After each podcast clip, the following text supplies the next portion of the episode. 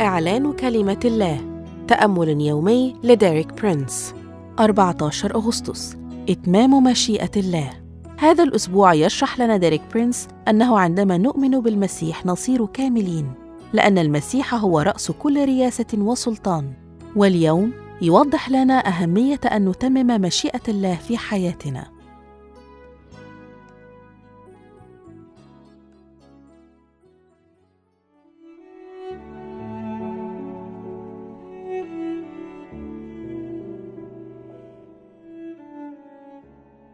ما هو الهدف من وجودنا في هذه الحياة؟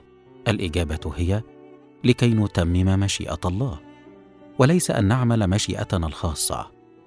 يقول الرسول بولس في رسالة كولوس واحد العدد تسعة من أجل ذلك نحن أيضا منذ يوم سمعنا لم نزل مصلين وطالبين لأجلكم أن تمتلئوا من معرفة مشيئته في كل حكمة وفهم روحي. الهدف هو أن نمتلئ بتمام المعرفة لمشيئة الرب وبكلمات أخرى أن تملأ مشيئة الله أذهاننا بالكامل وتحكم تفكيرنا وتسيطر على كل دافع وعلى كل قصد في حياتنا. ويكمل الرسول بولس في رسالة كلوس أربعة العدد 12 ويقول أبفراس الذي هو منكم عبد للمسيح مجاهد كل حين لأجلكم بالصلوات لكي تثبتوا كاملين وممتلئين في كل مشيئة الله. فالمؤمن يصبح كاملا وثابتا في تمام اليقين فقط بقدر تحقيقه لمشيئة الله.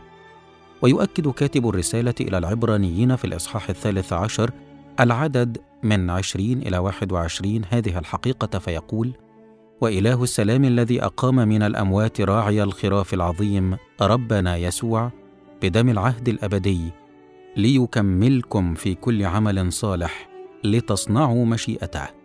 لقد خلقنا الله لنكون كاملين ولكننا نكون كاملين فقط عندما نتمم مشيئة الله تماما كما كان يسوع كاملا في حياته على الأرض وتمم مشيئة الله. إذا وجدت عدم انسجام أو إحباط أو اضطراب عاطفي في حياتك فعليك أن تسأل نفسك هذا السؤال هل أحقق مشيئة الله في حياتي أم لا؟ لأنك تصبح كاملا فقط بقدر معرفتك وإتمامك لمشيئة الله. وأي شيء آخر سيجلب إلى حياتك الاضطراب والإحباط. أشكرك يا رب من أجل عملك في.